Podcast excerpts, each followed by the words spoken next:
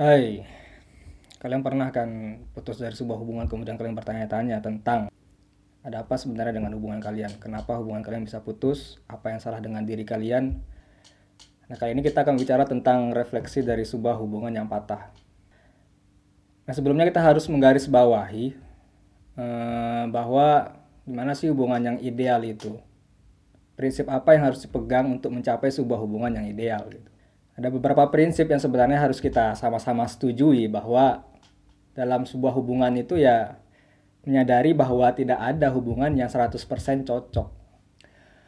Kemudian yang kedua adalah mungkin ada ini bisa dikatakan rumus atau prinsip juga ya untuk hubungan ya hubungan itu perlu yang namanya komitmen, kemudian komunikasi dan juga kompromi. Nah, ini perlu sama-sama kita setujui bahwa dua prinsip ini ya bahwa tidak ada hubungan yang 100% cocok kemudian bahwa hubungan itu memerlukan yang namanya komitmen komunikasi dan juga kompromi. Pertama hubungan nggak bisa nggak pakai komitmen. Harus janji kepada pasangan mau ke mana di arah di bawah ini suatu hubungan. Apakah lebih serius atau cuma buat sekedar jalani aja? Yang sebenarnya setiap hubungan ya harusnya ya serius Itulah yang namanya komitmen. Kemudian yang kedua adalah kompromi. Sudah harus mau berkompromi. Kalau kita sudah berkomitmen ya harus mau berkompromi. Karena pasti ada hal yang di luar ekspektasi kita ketika berhubungan dengan pasangan. Harus mau membuka pikiran hati, pikiran kita dan hati kita untuk toleran, untuk berkompromi terhadap hal-hal yang ternyata itu di luar ekspektasi kita ketika menjalin hubungan gitu dan kita harus ingat juga bahwa dalam hubungan itu ada ya dua hati ada dua kepala. Tidak cuma tentang satu orang itu jadi harus menemukan solusi yang terbaik untuk kedua kepala ini ketika ada masalah. Nah untuk dapat dua hal tersebut komitmen dan kompromi ya perlu komunikasi. Cara yang paling urgent itu yang paling penting itu ya komunikasi tanpa komunikasi kita nggak tahu apakah pasangan kita pantas dan layak untuk mendapatkan komitmen dan kompromi kita. Nah, ketiga rumusan tadi itu berlaku untuk pasangan kita dan juga sebaliknya untuk kita sendiri. Ketika kita mau berkomitmen dengan pasangan, berarti kita juga harus berkomitmen dengan diri kita sendiri untuk berkomitmen kepada pasangan. Begitu juga dengan kompromi, Terkadang kita tidak bisa berkompromi dengan orang lain karena kita tidak bisa berkompromi dengan diri sendiri. Kita tidak bisa berkompromi dengan masalah dengan pasangan misalnya. Karena kadang kita mengegokan, menuankan ego kita gitu. Nah, terkadang kita terlalu keras dengan diri sendiri. Sehingga kita terlalu gengsi, sehingga sulit untuk membuat kompromi kepada diri sendiri dan orang lain gitu. Nah, begitu pula dengan komunikasi. Tanyakanlah pada diri sendiri gitu kan. Apakah saya sudah siap berkomitmen kepada pasangan dan kepada diri sendiri. Nah, dengan hanya dua prinsip tadi itu sebenarnya sepertinya akan berlancar sebuah hubungan gitu loh. Ternyata ya tidak sederhana itu untuk menjalin sebuah hubungan. Untuk menjalin sebuah hubungan yang langgeng, untuk menjalin sebuah hubungan yang memiliki satu visi untuk bareng gitu kan. Ternyata tidak sesederhana itu. Inilah tentang refleksi dari sebuah hubungan yang patah dalam pengalaman saya yang hubungannya itu hanya dua bulan. Sebulan dengan sebulan PDKT ini tiga bulan gitu. Dengan kasus LDR sebuah kabupaten dengan kabupaten lain. Kemudian harus disudahi dengan alasan ya mungkin faktor besarnya adalah domisili kemudian karena alasan ketidakcocokan Nah ini menariknya. Menariknya ini. Kita berangkat dari background keluarga yang hampir sama. Dari ayah yang mendidik anaknya dengan keras.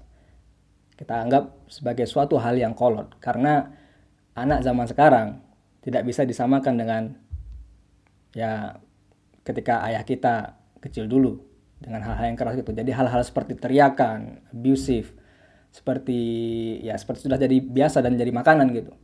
Jadi ketika ada konflik relasi yang itu hubungannya dengan sifat inferior dan superior, yang berkuasa, komunikasi hanya ada satu arah, bukan budaya komunikasi dua arah. Kita mempunyai background yang sama tentang hal itu. Kita seperti layaknya saudara gitu. Ketika membicarakan hubungan persoalan keluarga di rumah seperti dua orang yang bercerita penuh keterbukaan.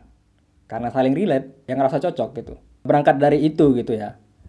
Tentu kita kemudian tidak ingin mengalami pengalaman-pengalaman pribadi ketika kita kecil itu terulang gitu. Pada anak-anak kita lagi apa nanti. Itu sudah menjadi seperti pengalaman yang tidak mengenakan. Nah dari sini sebenarnya ya kebayang dong harusnya bagaimana bentuk relasi impian visi keluarga impian yang harusnya dibangun. Karena kita berangkat dari background yang sama keluarga yang idealnya itu seperti apa begitu dan ternyata tidak seperti itu tidak sesederhana itu. Bayangan itu memudar dikarenakan sikap-sikap yang sebenarnya posisi kita itu against that things, against cara-cara itu. Tapi justru secara tidak sadar kita terbawa oleh pengalaman-pengalaman itu dan menjadi karakter yang benar-benar tidak disadari yang kita sebut itu sebagai toxic gitu ternyata kita di dalam pengalaman dan keluarga itu sebagai korban, katakanlah korban. Ternyata tidak secara kita tidak sadari dalam berhubungan dengan orang lain bisa menjadi pelaku juga. Toksik itu tadi. Nah, dalam konteks ini saya adalah seorang pasangan yang cenderung mendiamkan karena terbawa dengan ego ketika ada masalah. Barang sehari mendiamkan pasangan ketika ada ketersinggungan gitu ya. Kemudian meminta maaf. Beberapa kali itu terjadi dua tiga kali gitu. Yang tidak disadari adalah mendiamkan ini ternyata karakter yang sama-sama kita mainkan gitu. Karena tadi berangkat dari background keluarga yang sama. Nah sebenarnya bertengkar yang sehat tuh gimana gitu kan jadi kadang bertanya-tanya gitu. Ya, yang ketika satu ada kesalahan, yang lain mengingatkan. Mungkin sederhananya seperti itu. Pun jika untuk bisa memahami itu butuh diam, ya sehatnya harusnya ada inisiatif keduanya untuk segera rekonsiliasi, rekonsiliasi dan berdamai gitu kan. Tidak larut dalam diam lebih dari sehari. Meskipun preferensi masing-masing pasangan itu berbeda. Meski bisa preferensi orang untuk menurunkan ego berbeda-beda, tapi tidak berarti tidak dapat dikomunikasikan untuk ditemukan, dibicarakan, gitu kan, solusi dan jalan tengahnya. Dalam konteks saya, saya mendiamkan seorang, mendiamkan ketika ada masalah itu 24 jam sehari. Terkadang kita lupa untuk memberikan versi terbaik untuk pasangan kita. Mungkin karena capek, mungkin karena lelah, mungkin karena energi kita sudah habis di kerjaan gitu. Kemudian terbawa ke pasangan dalam bersikap yang kemudian jadi lebih tinggi dalam berbicara. Kemudian terjadilah konflik atau tidak sengaja memperhatikannya dengan cuek, gak baik, dan lain-lain. Nah, dalam hal silent treatment ini, doi, doi itu sudah lebih berpengalaman punya pengalaman yang lebih tidak menyenangkan gitu. Pernah didiamkan selama seminggu yang awalnya hanya sehari, kemudian beranjak jadi tiga hari, kemudian nambah lagi seminggu, dan dia berkompromi terhadap ego pasangan karena ego is the enemy sebenarnya kan. Nah, merespon masalah ini akhirnya dia sampai pada kesimpulan bahwa ini adalah sebuah karakter, sesuatu yang menurun dari keluarga dan nggak bisa diubah. Dan saya ngerasa juga itu bawaan dari keluarga, tapi menurut saya itu bukan suatu hal yang tidak mungkin itu tidak diubah. Possible, tapi yang bisa bisa benar atau bisa tidak. Karakter ya benar mungkin sulit untuk diubah, tapi bukan berarti tidak possible. Nah, justifikasi karakter ini yang lalu mengarah pada kita itu sama loh. Tapi justru itu yang buat kita nggak bisa bareng. Mungkin itu anggapannya. Justru itu yang bikin kita nggak bisa disatukan. Nah, refleksi dari cerita ini, yuklah sebenarnya sering-sering komunikasi gitu kan. ke diri kita apa yang menjadi kurangnya kita gitu kemudian refleksi dengan meningkatkan level kesadaran atau bisa dibilang muhasabah diri. Sering-sering komunikasi ke diri apakah saya sudah menjadi versi terbaik untuk pasangan saya? Apakah saya sudah menjadi yang versi terbaik? Katakanlah yang sudah menikah untuk suami saya apakah saya sudah menjadi versi terbaik untuk istri saya? Nah kalau dua-duanya punya mindset ini sepertinya nggak nggak akan ada masalah. Karena kualitas hubungannya sudah sedemikian menggunakan mindset yang baik karena tidak saling menuntut kamu harus begini, yang lebih harus berubah itu aku dulu, lebih kepada aku dulu yang harus berubah, menjadi versi terbaik pasanganku dulu. Itu yang harus dilakukan. Cara kita ngomong bagaimana, cara kita bersikap bagaimana, kayak gitu kan. Kalau istilahnya kamu jangan menjadi malaikat di luar rumah, kemudian menjadi monster justru di dalam rumah, justru ketika berhubungan dengan pasanganmu. Karena bisa jadi saya toksik dan saya tidak sadar, maka butuh yang menyadarkan gitu kan. Butuh meningkatkan kesadaran diri. Jadi menilai diri sendiri itu yang paling penting sebenarnya. Selain itu juga yang masih punya seseorang ya ya saling mengingatkan lah untuk meningkatkan awareness dari faktor eksternal itu tadi. Seperti mas tolong ingetin saya ketika saya intonasi meninggi gitu tolong ingetin aku ketika aku hilaf seperti itu karena kalau sudah berpasangan kalau sudah menikah nanti ya itu akan menjadi suatu proses kita bertumbuh dengan pasangan kita. Jadi cara mengubahnya adalah bukan dengan cara menuntut untuk merubah itu tapi untuk untuk kita. Mulai dari diri kita gitu. Memberi. Bagaimana saya ingin menjadi lebih baik untuk pasangan saya. Kan seperti itu. Nah, percayalah dengan memberi dulu pasangan kita akan memberikan hal yang sama untuk kita.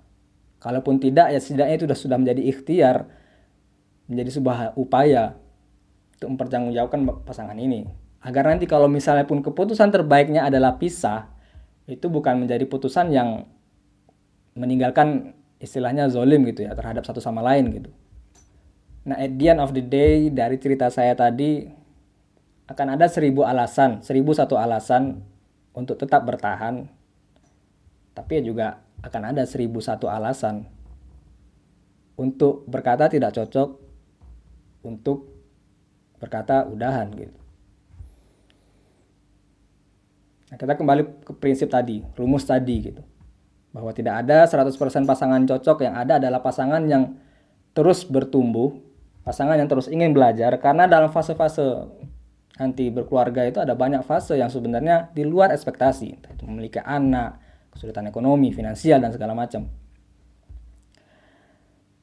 Karena semakin kita menuntut kesempurnaan justru mengarahkan kita ke banyak hal yang sebenarnya di luar ekspektasi gitu. Yang buat kita kaget sebenarnya kayak gitu.